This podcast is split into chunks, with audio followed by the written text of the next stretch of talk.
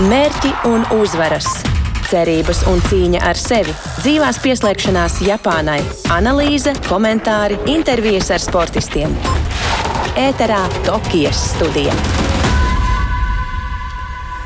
Labvakar, Latvijas Rādio 1 klausītāji! Tokijas studija 2020 atkal ēterā. Nākamo pusstundu runāsim par aktualitātēm Tokijas Olimpiskajās spēlēs, un Andrēs Siliņš ar jums kopā šajā pusstundā. Nebūšu viens, jo uh, ar mani kopā studijas viesis Jānis Celmiņš, vadošā Latvijas sporta portāla sportcentrs.com galvenais redaktors un pludmales volejbola eksperts. Es arī tā gribētu tevi nosaukt. Prieks! Jā, labvakar Latvijas Rādio eterā! Šodien eh, runāsim par pludmales volejbolu. Anastasija Kravčēnoka eh, un Tīna Graudiņas jo cīņā iekļuva ceturtajā finālā. Sazināsimies ar Māru Bērgu, kurš bija aculiecinieks meiteņu uzvarai, kā arī pludmales volejbolistu Mihailu Samolovu, kurš eh, varēs sniegt savu ekspertu komentāru par aizvadīto spēli, un vēl atskatīsimies arī uz sporta karalienes vieglatlētikas kroņu disciplīnu 100 metru sprinta finālu kungiem. Tokijas studija. Liela diena Latvijas eh, pludmales volejbolam, eh, jo Kravčēnoka un Graudiņa astotdaļfinālā eh, pret Krievijas duetu Makrogūzovu un Holominu aizvadīja tiešām izcils spēles beigas, atspēlējās pēc pirmā zaudētā seta, uzvarēja otro setu un trešā seta galotnī noslēdz ar izrāvienu 7-1, kas ļāva triumfēt arī visā mačā. Nu, lai kaut nedaudz mēģinātu notvert klātienes izjūtu, esam sazinājušies ar Latvijas radio sporta žurnālistu Māri Bergu. Viņš ir viens no nu, šajās Olimpiskajās spēlēs salīdzinoši retajiem, kurš var apmeklēt un skatīties mačus klātienē. Māri, labvakar, vai tu mūs dzirdi? Uh, labvakar, Andrē, labvakar, Latvijas radio viens klausītāji. Jā, es jūs dzirdu. Kas būs tas spilgtākais no šīs dienas uh, mača, kas paliks tavā atmiņā, kad tu pēc gadiem atkal uh, atcerēsies savu viesošanos Tokijā?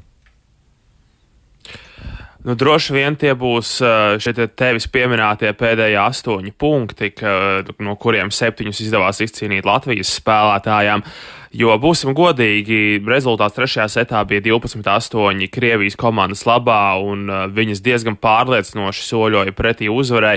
Trešajā setā, kas tiek spēlēts līdz 15 punktiem, uh, šāds pārsvars ir tiešām milzīgs, un uh, tas, ko paveica Latvijas volejbolistas, tik tiešām ir nosaucams par brīnumu, jo spēles gaita īsti neliecināja, ka pēkšņi mūsējām varētu izdoties atspēlēt šādu te Krievijas komandas pārsvaru. Nu, atliek cerēt, cerēt, ka šī, šī uzvara ir tikai viens no pozitīvajiem brīžiem eh, šī turnīra gaitā, un tas ir eh, pakāpiens ceļā pretī kaut kam lielākam.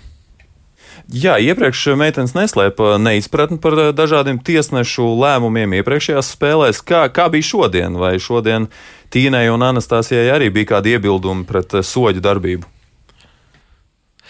Nu, iebildumi pret tiesnešiem varētu būt vienmēr, un arī šodien meitenes ņēma šo challenge, jeb pārbaudīja tiesnešu lēmumu, taču šodien vismaz nebija problēmas ar otro piespēli, ar nepareizu otro piespēli. Ja pareizi atceros, tad netika nosvilpta neviena kļūda otrajā piespēlē, kas jau ir pozitīvi, tad netika punkti atdoti vienkāršā veidā. Nu, labi, kļūdas tāpat bija spēles laikā, bet tieši otrajā piespēlē kļūda nebija attiecīgi.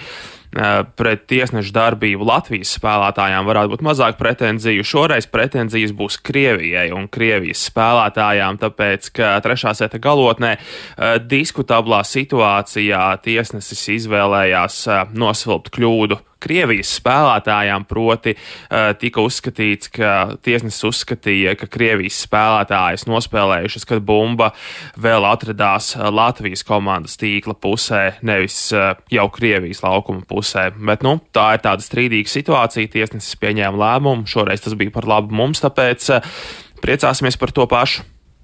Iesaistīsim sarunā arī mūsu studijas viesi Jānis Celmiņš. Jāni, kas ir ar tām otrajām piespēlēm? Tā ir tāda Tāda Latvijas pludmales volejbola eh, problēma lieta konkrēti šim pārim vai varbūt eh, globāli? Uh, tur ir globālas izmaiņas pēdējos gados notikušas ar otro piespēli šeit, konkrēti Tokijā. Es arī runāju attālināti ar spēlētājiem, un te tā nianses ir tāda, ka bumbas ir absolūti jaunas. Tas nozīmē, ka viņas ir tādas neiespēlētas, kas ierasti pasaules tūrē tomēr tā nav. Un otrs ir ļoti augsts mitruma līmenis. Līdz ar to tās jaunās bumbas ļoti slīd rokās. Attiecīgi, ja mēs redzējām arī mūsu čaļu spēli, tad Edgars Točs visas savas otrās piespēles izpildīja ar apakšējo piespēli. Būtībā tādējādi neriskējot ar augšējo piespēli celt. Par meitenēm runājot, viņām tehniskais arsenāls abām absolūti ir pārliecinošs. Tur es nezinu, ko tur pēdējā grupas spēlē izdomāja tiesnesis. Man tas, man tas arī tiešām bija pārsteigums. Šīs turētās bumbas, es saprotu, ka tās tur tika fiksētas. Bet, bet jā, nu, tās ir, tās ir pludmales volejbola nianses. Bet jā, tā, tā nianses tieši par Tokiju, tas ir tas augstais mitrums, kas, kas valda un tās jaunās bumbas, kas slīd ārā vienkārši. Māri meitenes pēc spēles teica, ka, ka pārliecība par uzvaru ne brīdī nav pazudusi. Nu, ja mēs atceramies, kā šī spēle attīstījās un šo, šīs spēles scenāriju ar, ar būšanu iedzinējos vairākas reizes, nu, tad tik un tā, tā pārliecība par veiksmīgu spēles iznākumu bijusi meitenēm. Kāda ir mūsu meiteņu tāda savstarpējā komunikācija spēļu laikā? Nu, to savstarpējo komunikāciju droši vien labāk ir iespējams novērtēt uh, tieši televīzijas ekrānos, nevis atrodoties stadionā, jo televīzijā tomēr uh, mikrofonu uztver uh, daudz vairāk nekā mēs varam dzirdēt stadionā, un arī kameras kaut kur soliņa daudz labāk parāda to kā notiek šī saruna savstarpējā pārtraukuma laikā, bet uh, visu laiku redzams tas, ka meitenēm ir tā pozitīvā ķermeņa valoda arī pēc kaut kādām neveiksmīgām epizodēm, kur gadās kāda kļūda, vienmēr iet klāt, uzmundrina vienu otru. Uh, līdz ar to šī uzvarētāja mentalitāte viņām ir, un uh, ir redzams, ka viņas tiešām ļoti vēlas izcīnīt šos panākumus šeit Tokijā. Jā, Anastasija pēc spēles atzina, ka labāk jūtas spēlējot pusdienlaikā vai pēcpusdienā pēc vietējā laika, kā tas bija arī šodien, atšķirībā no visām iepriekšējām grupu turnīru spēlēm. Ko mēs varam gaidīt otrdien? Mājaslapā, vismaz kad es pēdējo reizi eh, skatījos, tad vēl nebija izlikts spēles laiks. Varbūt klātienē ir kas vairāk jau zināms. Nē, nu arī es pagaidām neesmu redzējis vēl otrdienas spēļu grafiku, zinu tikai rītdienas spēļu, spēļu laikus. Domājams, ka spēle varētu būt vairāk rīta pusē, ņemot vērā, ka spēle ceturtdaļfinālā būs pret Kanādas pāri. Attiecīgi, lai tas būtu kaut nedaudz izdevīgāk Ziemeļamerikas skatītājiem, spēle tad varētu tikt ieplānota vairāk rīta daļā, jo ceturdaļfināls notiks divās sesijās, divas spēles no rīta pēc vietējā laika un divas vakarā. Nu, attiecīgi, nu, vismaz pēc loģikas, prātīgāk rīkotājiem šo te spēli būtu ielikt vairāk rīta pusē pēc Tokijas laika, lai tas būtu ērtāk Kanādā. Nu, protams, ja tas būtu spēle pret Ameriku, tad mēs to varētu apgalvot pilnīgi droši ar 99% varbūtību, bet domāju, ka arī Kanādas gadījumā nekas īpaši nemainīsies un spēle būs vairāk rīta pusē, nevis vakarā. Paldies, Māri! Paldies par eh, taviem komentāriem un atskatu uz šodien notikušo. Eh, noteikti skatīsimies, meklēsim un sekosim informācijai par to, kad tad precīzi būs mūsu meiteņu nākamā spēle, bet eh, šobrīd varam paklausīties, ko Anastasija un Tīna sacīja pēc mača. Man ir tāds gandarījums, jo mēs viņām esam zaudējuši tik daudzas reizes svarīgos turnīros, par trešajām vietām, finālos. Un beigās tomēr viņas uzvarēt vienīgajā turnīrā, kas tomēr nozīmē visvairāk. Tas ir, tas ir kaut kas fantastisks. Es esmu ļoti priecīga par to. Atšķirība, ko es jūtu šajā spēlē, bija daudz, daudz vējaināks. Un uh, varbūt, ka bišķiņi ir tie nēri, tad man tā skājas tik labi varbūt nedarbojas. Bet man, man šķiet, ka es ļoti labi spēlēju un es arī ideāli spēlēju. Vienkārši nu, tāds monstrs, mēs esam malas, es, es esmu tik priecīgi par mums un vienkārši lepns spēlēt kopā kā komandai pārstāvēt Latviju šajā turnīrā. Mēs noteikti zinām, ka pēcpusdienā mēs vienmēr spēlējam labāk. Ir labi, varbūt, ka no rīta nav spēle, bet arī, ja būs no rīta, mēs jau tik esam sagatavotas arī no rīta spēlēt, ka mums ir viena alga. Aiz mums ir visa Latvija, un mums jāspēlē par eh, mūsu valsti, par sevi, un jābauda, jācīnās līdz galam. Priecājoties par Tīnas un Anastasijas uzvaru un iekļūšanu ceturtajā finālā, esam sazinājušies ar Latvijas pludmales volejbolistu un Anastasijas Kravčenkovas dzīves biedru Mihālu Samoilovu. Labvakar, Mihāl! Labvakar! Nu, prieks uh, mums un noteikti arī tev, vai gaidīja, ka mūsu meitenēm varētu izdoties apspēlēt, uh, nu, jāteic, spēcīgo Krievijas Olimpiskās komitejas duetu? No, protams, es ticu, jo es zinu arī, kāds ir sieviešu volejbols vispār pasaulē. Tur katrs var apspēlēt katru. Uh, protams, bet, uh, pēc izlases tas nebija labākais variants. Es pateiktu, ka tas bija viens no sliktākajiem. Nu, iepriekš viņi nevarēja Krievijas uzvarēt, bet uh, savācās un parādīja raksturu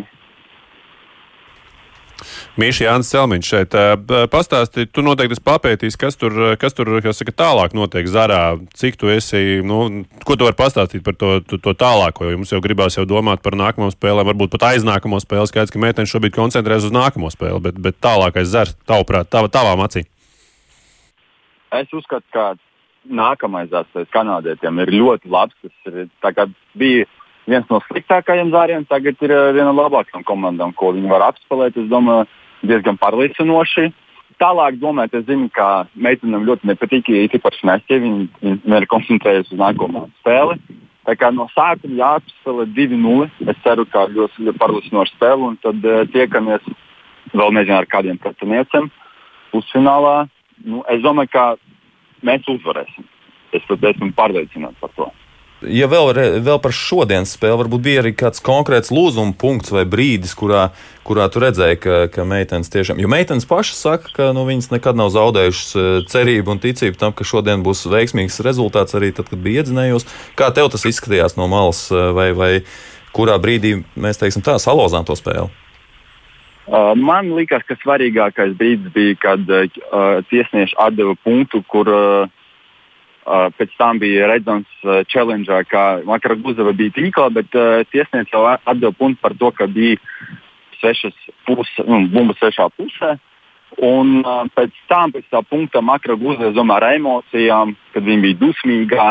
Viņa ar otro no trim metriem iesita autā. Viņa nepārvaldīja savas emocijas un atdeva ļoti svarīgu punktu. Es domāju, pēc tam meitenes saprata, ka ir tāda iespēja, to ir jāņem, kad viņi ir uh, ar dusmām spēlē, nav mierīgas un viņus var paņemt. E, daudz runāts par karstumu un tā ietekmi uz mūsu volejbolistiem e, Tokijā. Kā ir tavā pieredzē, kā tu cīnies ar karstumu spēļu laikā? Nu, man karstuma gudi ir ļoti grūti. Man labāk, ja būtu 15 grādi un būs augsts, jo es neesmu tāds cilvēks, kas, kas tur nu, karstumu. Es arī atceros, kad es spēlēju U22 Eiropas čempionātu Turcijā Tad bija 36 grādi un karstums ir tāds, ka man bija jāskrien blokā un man cita galva. Man pat sai, serveris saicinās ar serveri, es vispār nevaru pieskarties. Es uh, ceru, ka tur saule nav tā kā uh, Turcijā, kas ir pat aizsnu galvā. Vienkārši es domāju, ka Tokija mitrums ir, ir grūti. Tu esi slāņš, bet tā, tu esi slāņš, tur palīdz, lai nebūtu tik slikti. Tā kā es uh, ceru, ka arī Mārtiņām viss būs labi. Viņi ļoti labi gatavojas fiziski. Es ceru, ka viņi izturēs. Jā, jau pieskāries Mārķņam, Pļaviņam, Edgaram Točam. Viņu e, astotdaļfināls rītdien, e, agri no rīta. Kā tu vērtē viņu iespējas apspēlēt e, brazīliešus, kam arī netrūkst dažādu panākumu? Es godīgi neceros, vai viņi kaut kādu spēlē viens pret otru, bet uh, zinot, ka Bruno jau nav tik labs, kā viņš bija Rio. Pēc, uh, pēc manas viedokļa viņam ir problēmas ar veselību, viņš vairs nav tik ātrs. Galvenais, un kas ir labi, kas ir mitrums, ja Andru nebūs tik viegli servēt lēcienā, ja bumba būs slāpja. Un, uh, es domāju, ka mūsu, protams, var uzvarēt. Galvenais ir noturēt savu saidautu. Un, uh, kā viņi paši teica pēc, interviju, pēc spēles intervijas, uh, galvenais, lai būtu uh, uh, bloks un aizsardzība, un tad uh, viņi var likt kaut ko pretī. Ja, protams, nesanāks paņemt aizsardzību vai nobloķēt, nu, pret tādiem monstriem būs ļoti grūti. Paldies! Mihail, par komentāru. Turam īkšķis par mūsējiem, par mūsu dāmām ceturdaļfinālā. Tas gan uh, otrdienas rītā, bet rīt no rīta arī par kungiem. Tā kā vēlreiz paldies tev par komentāru. Mēs dodamies tālāk. Tokijas studija. Jāni, ja jau tu šeit esi atnācis, tad droši vien arī e, tevi jāiztaujā vairāk par e, pludmales e, volejbolu. Kā tev šķiet, uzvara šīs dienas spēlē ir saucama par pārsteigumu? Es domāju, ka par pārsteigumu droši vien to nosaukt, tas būtu pārāk skaļi. Es jau te lasīju, bija arī vēl skaļāk virsraksti, bet eh, es domāju, ka nē. Nu, šis eh, Krievijas duets, jā, viņas ļoti stabili ir spēlējušas eh, visu sezonu, bet arī viņas ir jaunās paudzes spēlētājs. Un te bija, te bija laikam tā piesardzība pēc tās izlozes bija tajā, ka, ka mūsu meitenes tomēr viņām bija spēlējušas daudz. Viņas ir vienaudas, līdz ar to spēlēts ir dažāda jaunatnes vecuma turnīros, gan Eiropas, gan pasaules čempionātos, un līdz ar to tur bija tās tās bažas, jo Krievijas dotas savstarpējās spēlēs bija izrādījies pārāks lielākoties, un tāds varbūt psiholoģiski nebija tāda pārliecība mūsu meitenēm, īpaši Nastē. Un mēs arī redzējām, ka Krievijas eh, duets eh, uzreiz ātri no paša spēles sākuma ļoti daudz spēlē tieši caur Anastasiju, eh, zinot to, ka viņai varbūt ir tādas ne, ne, nelielas teiksim, nedrošība vai psiholoģiskā barjera. Bet nosaukt to par pārsteigumu nebūtu. Ne, redzot to, kā mūsu meitenes šogad spēlējušas pasaules tūrē, kāds ir jaunā trenera pienesums gan tehniski, gan taktiski tad eh, nu, man eh, nebūs pārsteigums, ja tiešām šeit būs ļoti labs rezultāts turnīra beigās. Un, nu, šīs dienas spēle noteikti nav, nav, nav, nav, nav pārsteigums. Vēl jau vairāk redzot, kā viņas spēlēja pret amerikānietiem zaudētajā spēlē, kas eh, manā skatījumā bija nu, krietni viens spēcīgāks komanda. Mm. Vai jau šobrīd mēs varam novērtēt Tīnas un Nastas sniegumu kā veiksmīgu? Jo viņām tomēr ir pirmās olimpiskās spēles, debitantes šāda, šāda līmeņa turnīrā jau līdz šim iekļūšana ceturdaļfinālā ir vērtējums kā, kā izdevies turnīrs? Es domāju, ka noteikti. Nu, gados, gados pietiekami vēl jaunas, 23, 24 gadi, un nu, visa, visa karjera vēl ir tikai priekšā. Es domāju, ka tur būs nevienas vien vēl Olimpiskās spēles. Un, protams, ja viņām, es domāju, pašām teikt pirms Olimpiskām spēlēm jums būs piektā vieta, viņas uzreiz teiktu, jā, mēs ņemam, paldies. Un, un, un, un, un šobrīd eh, man jau, man jau būtībā pirms, eh, pirms došanās uz spēlēm likās, ka viņas var tiešām labi spēlēt. Eh, pasaules tūrē šo, šo sezonu bija spēlēts ļoti labi. Viņas bija divreiz bijušas četrniekā, un, un, un, un tas, tas ir tiešām stabili rezultāti. Un tas, ka, tas, kas ir manāms, tad tiešām treneris, Brazīļu treneris ir iedevis to taktisko zīmējumu, ko mēs arī šodien lieliski redzējām spēlē pret Krieviju, kad taktiski pretinieks tiek izpētīts.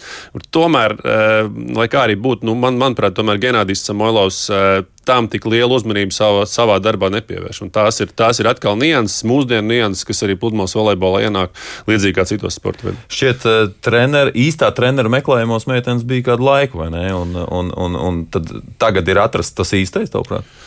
Nu, tā izskatās. Tā izskatās. Šis ir tāds laikam kompromiss treneris, es tā saprotu, jo mm, es saprotu, ka Tīna gribēja palikt pie Andra Krūmiņa.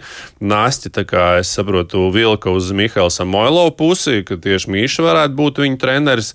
Uh, nu, jā, šobrīd izskatās, ka, ka tā izvēle ir, ir pareiza, un, manuprāt, arī Nāsti ir noticējuši šim trenerim. Un, un, un, un šis, jā, tā kā es teicu, šis varētu būt tāds savstarpējs, nu, nezinu, samier, samier, samierinošais treneris, laikam tā. Kas ir tās lietas, tās nianses, kļūdas, vai varbūt tieši otrādi, varbūt labās lietas un meistarība, ko tu esi novērojis līdz šim mūsu meiteņu sniegumā Tokijā?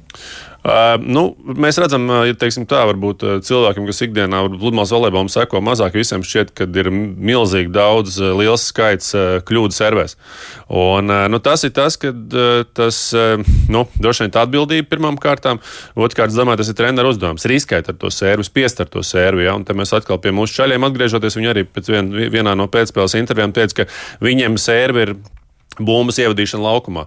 Meitenēm tomēr viņu sērve jau ir tāds, nu, es neteikšu, uzbrukums, nu, tāds pusuzbrukums. Jo nu, mūsdienu pludmales volejbolā un arī klasiskajā volejbolā nu, tā sērve ir milzīga nozīme. Ja tev nav sērve, uh, nu, būtībā divas lietas - sērve un sērves uzņemšana. Ja tev nav šie, šo divu spēles elementu, tad tev augstā līmenī būtībā nav ko darīt. Un tas ir tas, ko, ko varbūt mūsu čaļi, kur viņi atpaliek, sērvi pirmais. Vēl par, vēl par tādām niansēm, nu, mūsu meitenes jau, jau mēs pieminējām šo augšējo piespēli.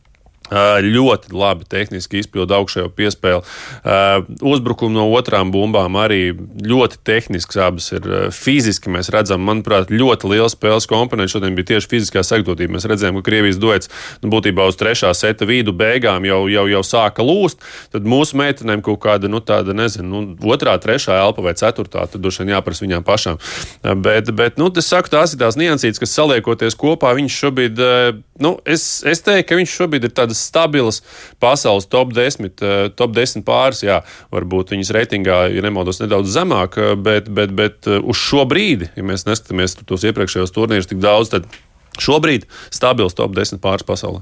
Jā, un te jāatceras droši vien, ka vēl nu, netik sen, pirms pāris gadiem vai nu, nedaudz vairāk, Eh, bija tāds neliels pat skandāls publiskajā vidē par to, ka, ka meitenes varētu arī neturpināt sadarbību viena ar otru. Nu, absolūti tā tas neizskatās šobrīd, ka tur kaut kas būtu greizi aizgājis, jo šobrīd eh, izskatās nu, saskanīgāk grāt, nu, pāri pat grūti būtu atrast eh, vismaz tajās publiskajā komunikācijā, kāda nāk no meitenēm. Tā ir, tā ir, ja godīgi es pat laukumā skatos, man pat tā varbūt uzspēlēt, šeit liekas šīs pēc neveiksmīgām epizodēm tās tie, tie smaidi, tā, tā palīdzēšana viens otram. Bet, nu, jā, nu, te, te, bija tās, te bija tās visas neskaidrības. Atcerēsimies ar treneru maiņām, Genādijs Samoilovs, Andris Krūmiņš, tad, tad vēl kāds treneru meklējums un tam līdzīgi. Tur Tur tās nesaskaņas radās, bet, bet nu, manuprāt, meitenes diezgan ātri saprata, ka viņa viena bez otras neko daudz sasniegt eh, nevarēs. Jo nu, Latvijā tas spēlētāju, spēlētāju tirgus un spēlētāju resursu pludmales volejbolā ir, ir tik liels, cik viņš ir. Un, nu, šeit es absolūti nepārspīlēju. Ja Tīna nespēlē kopā ar Nāstu, un, un otrādi, tad, tad nu, būtībā atrast tādu pārnieku, lai spēlētu šādā līmenī Latvijā nav. Vismaz es, es neredzu, bet, bet, bet, bet nu, varbūt, varbūt viņas domā citādāk. Nu, tur gan Nāstē bija kaut kāda mēģinājuma uzspēlēt ar citām pārniecēm. Mēs diezgan labi atceramies, ar ko tas viss beidzās. Tas beidzās kvalifikācijās ar, ar zaudējumiem pirmajās kārtās un tam līdzīgi. Tā kā, nu, jā, ir ja godīgi prieks redzēt, ka viņas nolikušas, norekušas tos karus, kara cirvīšus, lai gan nu, tur varbūt eh, tie kara cirvi tiešām bija tādi nu, net, netik lieli, kā, kā varbūt tas iz, izskatījās publiskajā telpā. Tā bija tiešām tādas nu, domstarpības par to, kuru treneri kurā brīdī pieprasīt tā atklāja pludmales volejbola nianses. Ja, ja tu, teiksim, nu, tādā normālā organizācijā tev pasaka, kas būs tavs treneris, tad pludmales volejbolisti paši izvēlās savu treneru. Viņi paši viņu algo, viņi paši ar viņu strādā. Nu, tas ir būtībā tas pats, kas lielajā tenisā tieši tāpat. Jā, nākamās pretinieces, nākamās pretinieces ir kanādietis Heter Benslī un Brendija Vilkersone. Viņas astotdaļfināla spēlē šodien apspēlēja amerikānietis, amerikānietes Sponsilu un Kleizu, kuras savukārt apspēlēja mūsu meitenes grupu turnīrā. Kas zināms par kanādietēm? Kanādietis arī ir pietiekami nu, stabilas, stabila top 10, top 12 pasaules tūris komanda. Un es neteikšu, ka, ka viņas ir tagad, nu, mēs apspēlēsim uz vienas kājas, jo nu, šeit labāko astotniekā nav nevienas vājas komandas, to es varu pilnīgi droši jau teikt. Un, nu, protams, man jāpiekrīt Mišam, kurš pirms brīža teica, ka ja mēs pirmajā kārtā redzējām, ka tā izlauze varbūt nebija tik sekmīga, Šobrīd mēs jau esam izsituši nosacīt nu, komandu, kas bija nedaudz augstāka, un šobrīd tikai ieņēmuši viņu vietu tajā zarā. Un, eh, nu, konkrēti runājot par, par kanādietēm, eh, nu, jā, tur noteikti, noteikti liels, liela loma būs eh, Vilkarsons blokam, kā mūsu meitenes ar to tiks galā.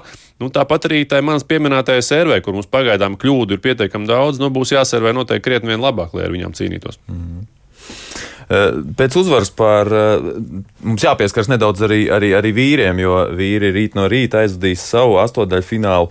Eh, pulksten septiņos, kā viņš un toši dosies cīņā pret braži, brazīliešiem, Evandru un Brunu.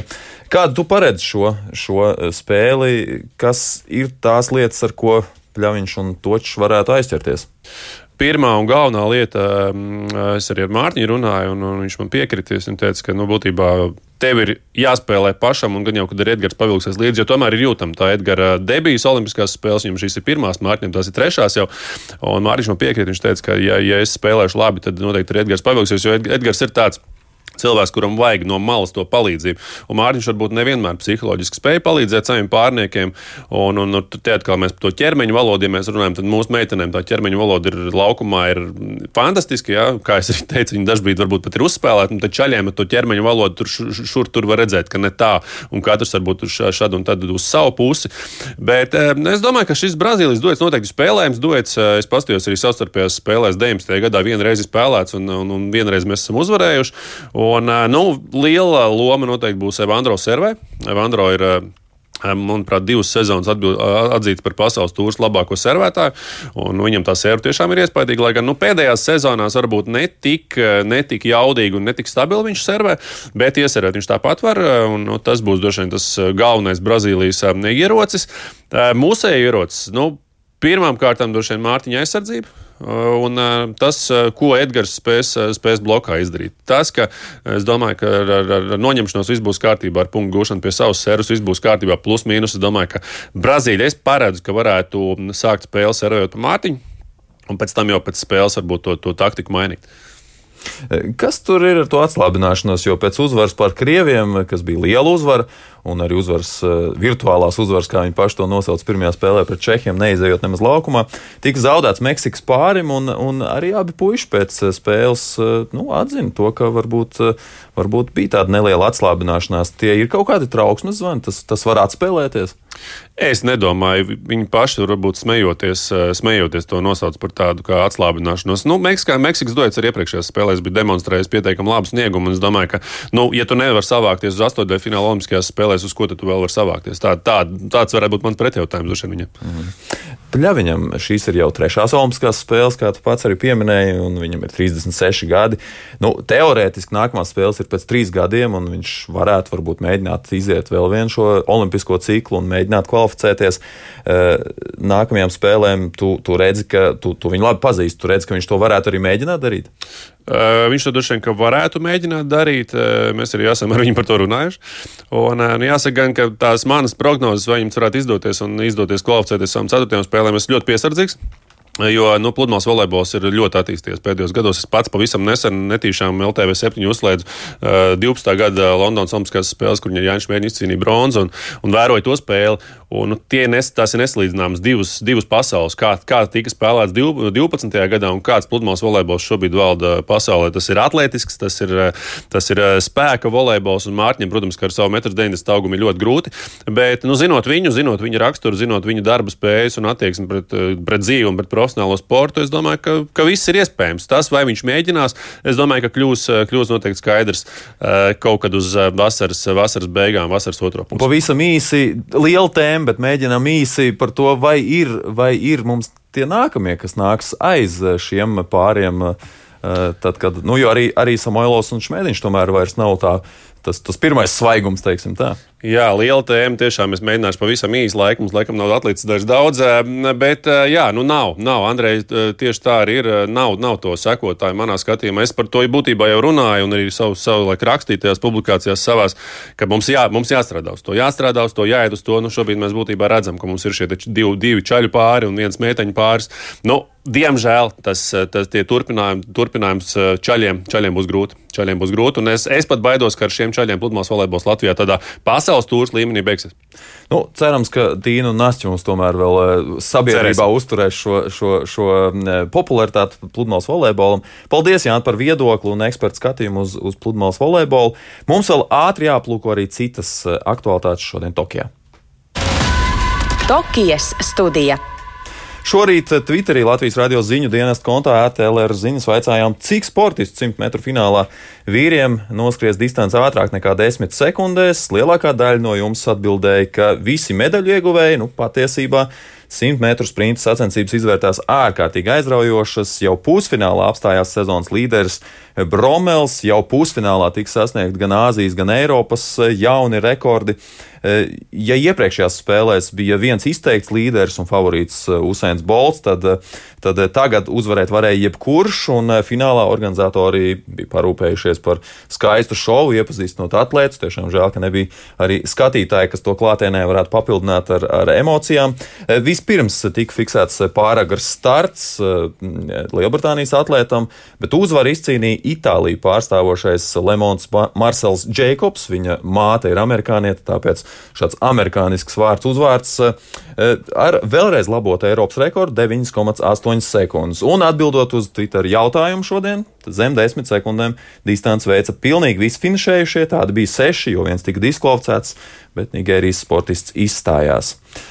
Noteikti ātri jāpiemina trīssoļlēkšanā dāmām tika paveikts neticamais Venecijas sportiste Julimāra Rohasa pēdējā mēģinājumā aizlēca 15 metrus un 67 centimetrus tālu un laboja 26 gadus veco pasaules rekordu par 17 centimetriem. Šī ir Tokijas studija 2020. Jau rīt no rīta būsim atkal ēterā, uzreiz pēc ziņām 8 un arī 17.30, kad šefību par Tokijas studiju būs uzņēmies Mārtiņš Kļavinieks. Tāpat atgādinu, ka Tokijas studiju atrodam, Tokijas studiju iespējams klausīties arī tur, kur klausāties podkāstus Mans vārds ir Andrēs Siliņš. Mēs ar jums tiekamies jau nākamreiz. Visu labu! Mērķi un uzvaras! Cerības un cīņa ar sevi, dzīvās pieslēgšanās Japānai, analīze, komentāri, intervijas ar sportistiem. Ēterā Tokijas studija.